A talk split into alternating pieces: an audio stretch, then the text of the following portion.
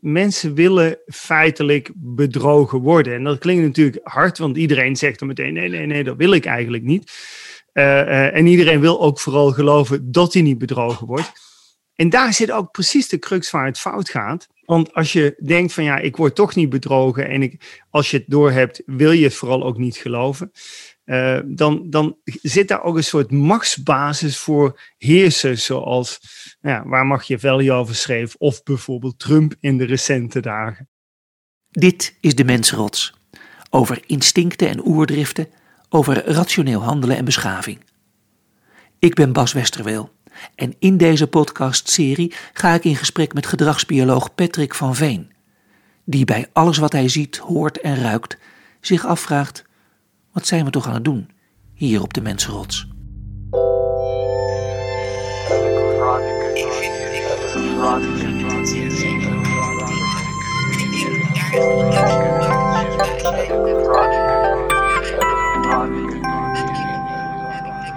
Nou ja, er gebeurt heel wat op de mensenrots. Dat kunnen we niet ontkennen. Uh, nee. Je zou bijna zeggen, we zijn met z'n allen helemaal gek aan het worden. Uh, we wilden het heel graag samen hebben over macht. En toen ik woensdag keek, en dat heb je ook gezien, uh, naar ja. het kapitool, wat daar gebeurde.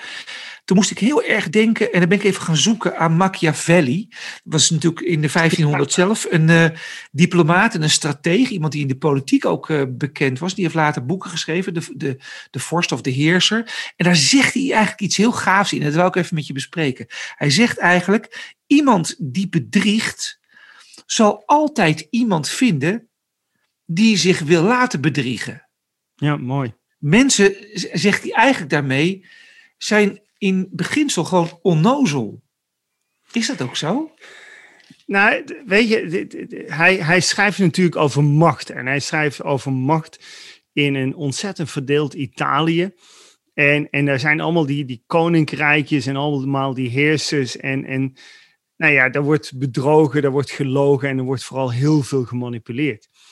En uh, waar, waar, hij wel een punt in heeft, is dat mensen willen feitelijk bedrogen worden. En dat klinkt natuurlijk hard, want iedereen zegt dan meteen: nee, nee, nee, dat wil ik eigenlijk niet. Uh, uh, en iedereen wil ook vooral geloven dat hij niet bedrogen wordt. En daar zit ook precies de crux waar het fout gaat. Want als je denkt van ja, ik word toch niet bedrogen en ik, als je het doorhebt, wil je het vooral ook niet geloven. Uh, dan, dan zit daar ook een soort machtsbasis voor heersers, zoals nou ja, waar Machiavelli over schreef, of bijvoorbeeld Trump in de recente dagen. En um, de, de kern waar hij het over heeft, is dat macht is iets dat heb je niet, macht krijg je. En, en dat is een heel belangrijk gegeven. Je kunt als individu kun je dominant zijn. Uh, uh, je kunt je dominant gedragen, je kunt uh, agressief zijn, je kunt onderdanig zijn. En je kunt een heleboel dingen kun je zijn. Mm-hmm. Maar één ding kun je niet zijn en dat is machtig, machthebber. Of je kunt niet zomaar macht hebben. Macht is iets dat, dat, dat heb je niet van jezelf, dat moet je krijgen, dat moet je gegund zijn. Maar is het en, ook niet zo dat macht dan, zou je kunnen zeggen, uh, uh, als je twee richtingen van macht hebt, hè, dus macht over anderen en macht om autonomie te verwerven. En dus dat je op een gegeven moment, daar is ook onderzoek naar gedaan, weet ik, dat er, dat als je de autonomie eenmaal gevonden hebt, dan heb je, kan je de macht afleggen en dan ben je waar je wezen wilt. Ja. Ja? Nee, ja, dat, dat, dat klopt. Alleen, daar zit nog steeds, hè, wat, wat ik daarmee bedoel, hè, je ja. moet het krijgen. En, en dat gaat eigenlijk ook al over die autonomie. Anderen moeten jou erkennen in jouw positie. Mm-hmm.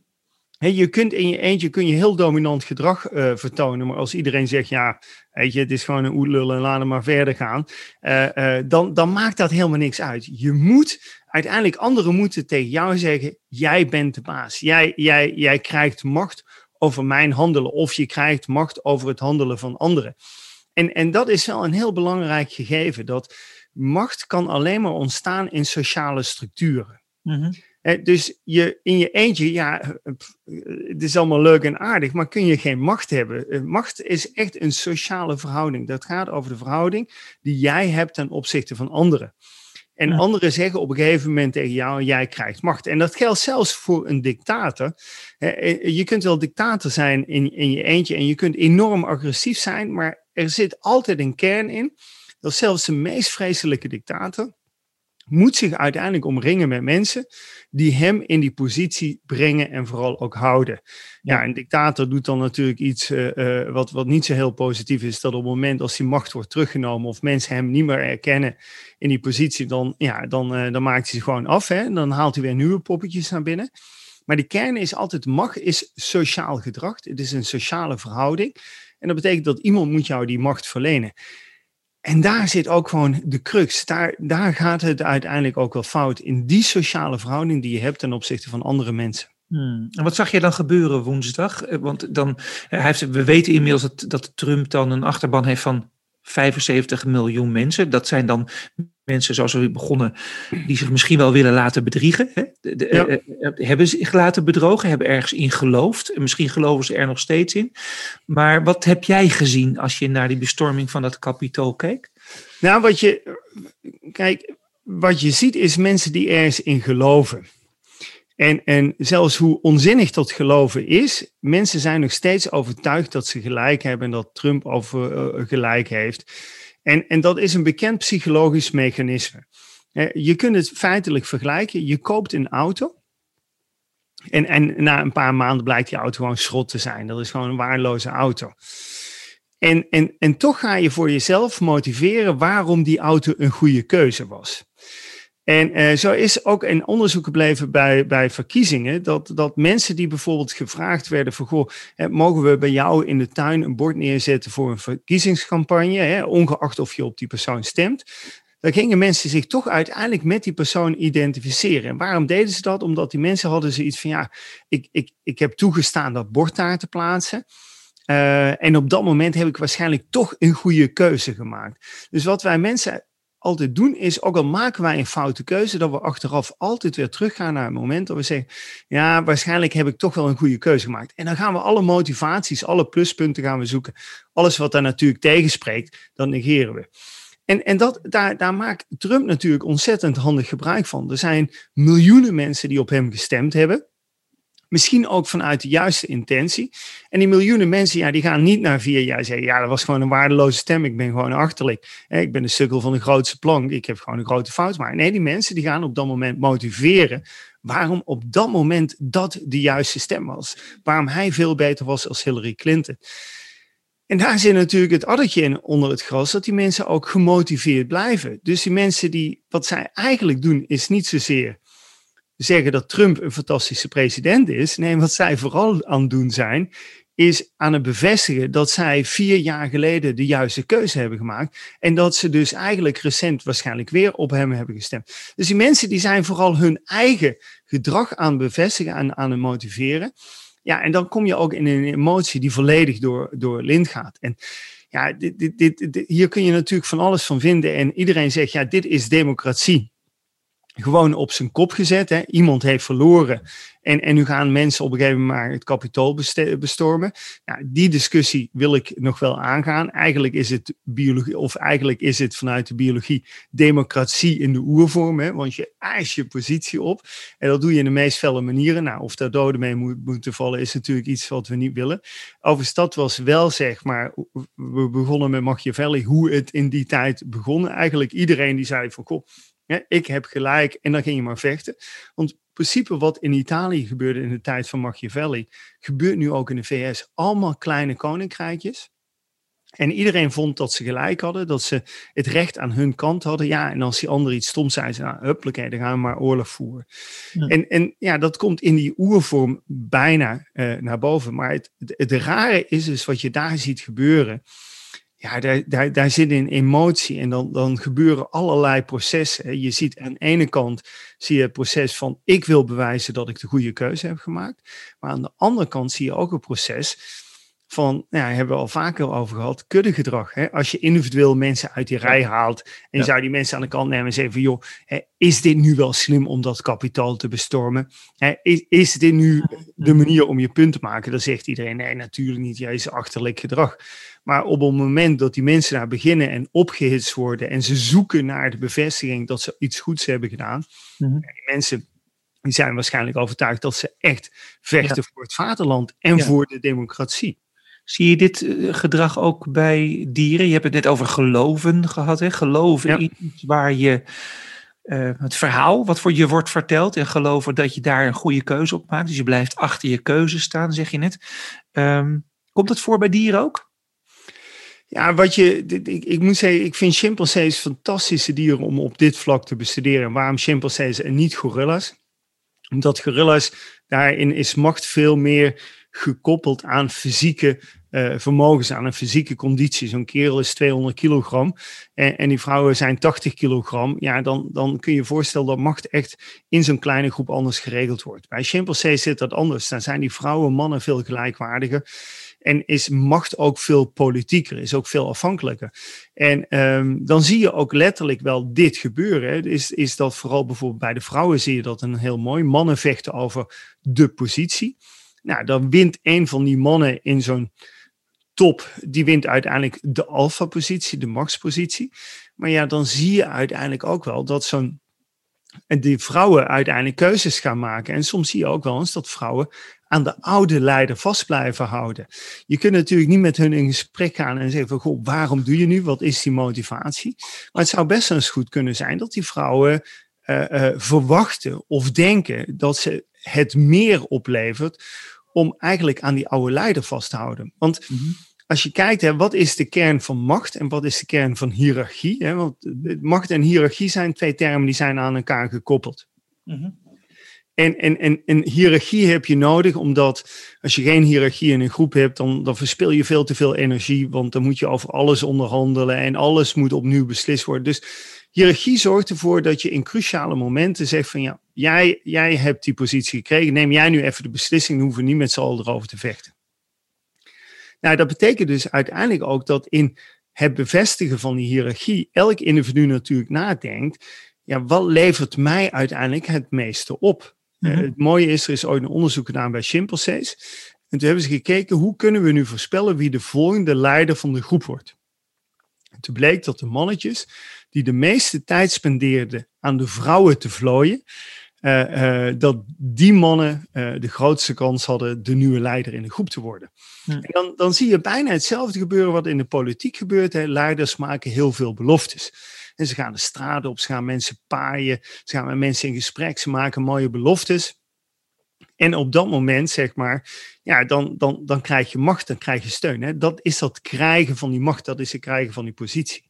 Mm -hmm. Ja, als iemand eenmaal op die positie zit, dan gaan degenen die die macht hebben gegeven natuurlijk ook dingen claimen. Dan willen ze ook wel iets terug. Hè? Dan krijg je mensen die teleurgesteld worden of mensen die niet teleurgesteld worden omdat ze wel die die diensten krijgen of omdat ze wel zeg maar uiteindelijk beloond worden voor hun steun. En dat ja. zie je dus ook bij die apen gebeuren. Ja. Eh, ik, ik help wel een mannetje om in die positie te komen, maar uiteindelijk wil ik wel door een mannetje gevlooid worden en net iets meer voedsel krijgen. En soms zie je dus letterlijk gebeuren dat er aan de top een machtswisseling plaatsvindt. Maar dat individuen toch aan de oude leider vasthouden. Nou, en de motivatie zou best kunnen zijn dat ze denken, daar krijg ik waarschijnlijk net iets meer voedsel, daar word ik net iets vaker gevlooid. Ja, en je ziet nu ook die coalities, zeg maar, eh, op de, op de mensenrotsen in Amerika uit elkaar donderen. Ze hebben heel lang ja. achter uh, de leider aangelopen en nu de macht verkeerd gaat, zeg maar. Dan zie je opeens ja. uh, alle vriendjes weglopen, hè? Nou ja, dat is het. Dan lopen ministers weg. Maar de, de, de, hele politiek, en overigens dat is niet alleen in de VS zo hoor. In, in Nederland speelt dit natuurlijk ook al zo. Het gaat natuurlijk ook op een gegeven moment, als ik jou macht geef, dan wil ik daar iets voor terug hebben. Dat, dat, dat, dat is een evenwicht. Het is niet zo dat ik iemand macht kan geven uh, zonder dat ik daar een verwachting bij heb. Nou, en en, en als, als kiezer uh, uh, op verre afstand van die machthebber denkt, nou, er moet een belastingverlaging in zitten, moet een baangarantie in zitten, nou, dan neem ik genoegen mee. Maar de mensen die vlakbij veel dichter op zo'n president zitten of op een partijleider zitten, ja, die hebben andere verwachtingen. Die willen posities hebben, die willen een baantje hebben als minister of een Nederlands staatssecretaris. Of uh, die willen later gewoon topbanen als ambtenaren krijgen. En dat gunnen en dat verdelen, dat hoort bij macht. Die twee kun je niet los van elkaar trekken. Uh, uh, ik zeg ook altijd, mensen in Nederland, we zijn heel erg van integriteit. Hè? Integriteit staat heel hoog. Ja, dat is bullshit. Integriteit bestaat niet.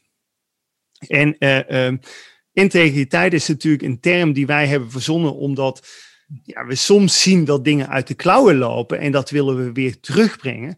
Maar integriteit in de kern, dat het voor wat het, het onderhandelen, ja, dat is gewoon zo geïntegreerd in ons mens zijn, in ons dier zijn. Uh, uh, het bestaat gewoon niet. Wij kunnen mm-hmm. niet altijd integer zijn. We zullen altijd nadenken, ik geef jou wat, maar ik verwacht er ook iets voor terug. Wat zullen de andere alfamannetjes, uh, zeg maar, op de mensenrots nu denken, nu ze dit zien in Amerika? Nou ja, de, de, de, de andere leiders. Er zijn misschien een paar leiders die denken van shit, ik zou dit ook wel willen. dat, dat het volk in opstand komt om jou op die troon te helpen. Ik denk dat er best wel wat uh, uh, alfa mannetjes zijn die daar bijna jaloers naar zitten te kijken. Um, maar wat je, wat je ook wel nu ziet, is, is dat um, dit is natuurlijk een vorm die hebben we heel lang niet meer gezien in de westerse wereld. En, en daar is iedereen van in shock. En, en ik denk wat dit wel doet, is dat iedereen weer even zal bedenken: oké, maar hoe ga ik uiteindelijk ook vanuit mijn eigen positie ervoor zorgen dat het niet zo uit de klauwen loopt? Want ja, je kunt als machthebber en je kunt met iemand als macht, of die macht heeft, kun je heel gekke dingen doen. Uh, maar het kan uiteindelijk altijd uit de klauwen lopen, zodat de hele massa zich tegen jou gaat keren. En dit is natuurlijk ook wat nu gebeurt in, in, in, in de VS, is dat je ziet dat op een gegeven moment ja, individuen uh, um, in opstand komen die tot voor kort uiteindelijk gewoon supporters van Trump waren. En dat zien we zelfs in de dierenwereld, dat en soms zie je leiders die heel veel steun krijgen, die alfaman zijn, die een positie hebben en die steeds agressiever worden, die steeds inhaliger worden. Dus uh, als chimpansees zeg maar voedsel hebben, dat kan zijn ze hebben een boom gevonden of ze hebben in de jacht voedsel weten te bemachtigen, dan moet dat voedsel gedeeld worden. Maar je ziet ook wel eens individuen die steeds inhaliger worden en zeggen nee, dat is van mij. Uh, die gaan zich soms ook veel agressiever, agressiever gedragen. Want je hebt ook in chimpansee-groepen individuen die niet altijd in de pas lopen van zoals de leider dat wil. Nou, dan krijg je af en toe een klap om de oren. Maar als dat steeds agressiever gaat worden, dan kan het heel makkelijk gebeuren dat op een gegeven moment zo'n groep zegt: en nu is het afgelopen. En dan worden de ballen eraf getrokken. Ja, en dan wordt zo'n leider gewoon aan de kant gegooid en die overleeft het waarschijnlijk ook niet. Terwijl je ook leiders hebt die uiteindelijk zich heel rustig terugtrekken.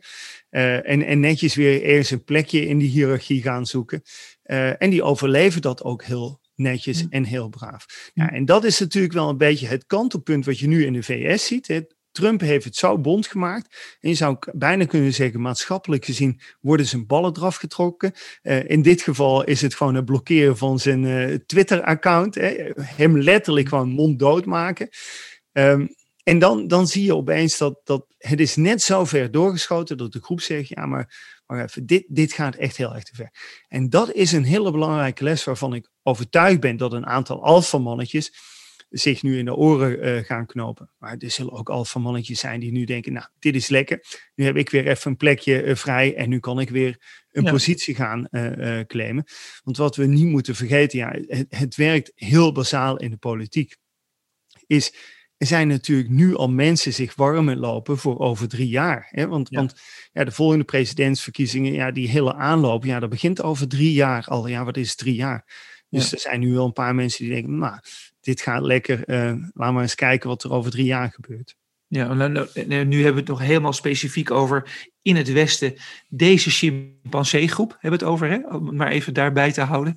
Uh, maar er zijn natuurlijk ook nog andere chimpanseegroepen die hier ook naar kijken op dit moment. China, ja. Rusland, West-Europa, we hebben het ook over Europa, die dit ook zien gebeuren en deze machtswisseling zien gebeuren, zien plaatsvinden. Hoe denk je dat, de, dat die aapjes daar in China en Rusland zitten te kijken naar deze machtswisseling?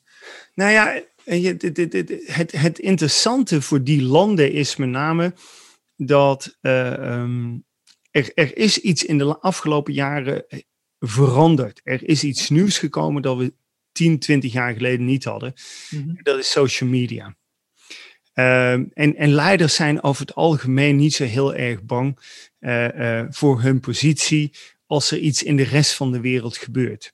Maar misschien moet ik meer zeggen gebeurde. Hè? Want een kern van leiderschap, een kern van dictatuur of een kern van machthebbers of heerschappij is heel vaak het controleren van informatie. En we weten dat, dat heel veel landen altijd heel sterk bezig zijn geweest met het controleren van informatie. Als maar niet naar binnen komt dat het in de buitenwereld veel beter is of anders geregeld is. Nou, dat kan vandaag de dag niet meer. Je kunt niet meer heel China afgrendelen uh, van social media. Je kunt niet heel Rusland afgrendelen van social media.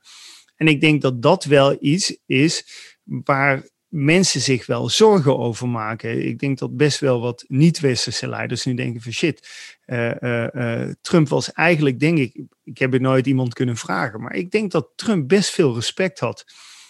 bij Chinese leiders, bij leiders als, als, als Poetin. Respect betekent niet dat je iemand mag, of dat je het eens bent met hoe hij zijn dingen doet. Hè. Je kunt uiteindelijk nog steeds tegenover elkaar staan. Maar heel vaak zie je wel dat dominante leiders uh, met een heel groot ego, die vinden het wel heel prettig om zo iemand tegenover je te hebben staan. Hè. Een heel onderdanig iemand hebben ze over het algemeen niet heel erg veel respect voor. Alleen wat ze nu wel zullen zien, dat, dat uiteindelijk die wereld heel snel in elkaar kan vallen. Dus ze zullen zich enerzijds best even achter de oren kroppen en nadenken, hey, wat betekent dat ook voor mij? Uh, want dat kan natuurlijk in elk land gebeuren. Maar ik denk dat vooral in die landen ook weer de leiders heel snel gaan nadenken. Hè, hoe ga ik uiteindelijk mijn, ja, mijn, mijn resources, hoe ga ik mijn middelen inzetten om uiteindelijk ervoor te zorgen dat ik in die positie blijf. En dat, ik denk dat de leiders in China, de partij, snapt dat heel erg goed. Je, je kunt heel veel van mensen nemen, maar je moet ook zorgen dat mensen iets krijgen. Uh, uh, dat snapt Poetin ook wel goed. Hè. Wij kijken altijd naar Moskou. Uh, maar ja, als ik mensen spreek die Rusland iets beter kennen, die zeggen: Ja, weet je, Moskou is maar een heel klein gedeelte, dat platteland. Daar zitten de supporters van Poetin. Ja, en daar zorgt hij wel voor dat dingen geregeld worden of dingen voor elkaar gekregen worden. Ja. En het leuke vind ik altijd, nou, leuke, maar wat je, wat je altijd ziet bij, bij, bij leiders, bij machthebbers, is natuurlijk de positie de, de, de, de, de rollen, uh, uh, de, de, de, de baantjes circussen. En daarvan denken wij dat die in Nederland niet bestaan. Maar je moet maar eens kijken in de topambtenarij hoeveel oud-politici, hoeveel oud-Kamerleden uh, daar zitten ja, weet je, dit, dit, het stikt er gewoon van als je in de topambtenarij kijkt, hoeveel mensen daar zitten met een, een, ja, een achtergrond in een Tweede Kamer of als minister of staatssecretaris. En dan kun je natuurlijk ook vragen, ja, is dat echt verdiend? Hè? Eh, is dat de, de, beste kandidaat? Of is dat ook gewoon een baantjes, uh, uh, ja, een baantjes guns die verleend wordt? En in dat soort landen, in landen met zo'n partij als China, is dat vele malen sterker. Daar is het geven en het gunnen van baantjes heel sterk. Dat was in de communistische tijd heel sterk. Ja, en dat, dat is uiteindelijk uh, uh, in Rusland nog steeds heel sterk. En als je dan chimpansees kijkt, ja, ik vind het altijd hilarisch, dan heb je zo'n chimp en die heeft een berg voedsel. En, en dan is het afhankelijk van hoe, hoe erg sterk ben je gelinkt aan die leider. Hè? Hoeveel steun geef je aan die leider, des te dichterbij mag je bij die kerel komen zitten. Nou, ze werken in de politiek ook. En je kunt er zo'n camera ophangen en denk je, nou, dan weet je, dit is het alfamannetje en dit is degene die hem gesteund heeft en dat is het vrouwtje die hem lekkerste vlooit. En die mogen dan dicht bij de grote leider zitten. Ja, en nou, binnenkort gaan we natuurlijk veel praten over de Nederlandse uh, politiek. Uh, maar dan toch tot slot, wat we vaak de neiging hebben om te zeggen, we moeten leren van de geschiedenis. Maar ik bedoel, het heeft zich al vaker voltrokken. Gaan we ooit leren van de geschiedenis en zijn we daartoe in staat? Nou ja, hier raak je misschien wel de kern van uh, de mensenrot. En dat is namelijk dat ons gedrag wordt gevormd door cultuur, natuur en een stukje persoonlijkheid. En die natuur die gaat niet veranderen. Die natuur die gaat niet weg. Uh, die oerinstincten blijven overeind. En we kunnen heel veel leren van de geschiedenis. We kunnen heel veel leren over de dingen die gisteren gebeurd zijn, of afgelopen week zijn gebeurd, of honderd jaar geleden zijn gebeurd. Maar zeker op dit vlak op dit vlak blijven heel veel dingen gewoon in stand. Die blijven ook wel overeind, omdat dat is zo een oermechanisme. En, en juist ook omdat macht is iets wat, wat je krijgt. Het is sociaal gedrag. En, en, en macht is ook niet iets wat je ja, zelf kunt bedenken. Je krijgt het van de groep. En die sociale interactie, die maakt ook dat in de toekomst we nog heel veel discussies zullen hebben over situaties dat het uit de klauwen loopt. Dat we leiders hebben die corrupt zijn, uh, maar ook over leiders die het waarschijnlijk heel erg goed doen. Uh, uh, maar ja, die op een goede dag dan toch weer even hup, uit die boom vallen. Hm. Oké, okay, volgens mij ben ik nu bij machten om de microfoon uit te zetten en dit gesprek te beëindigen. Jij eigenlijk ook.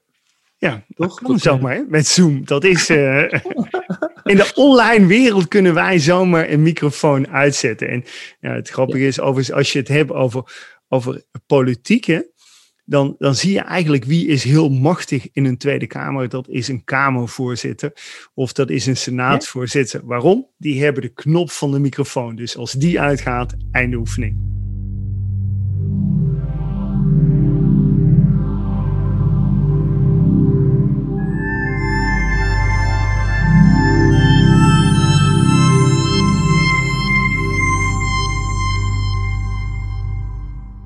Dit was De Mensenrots.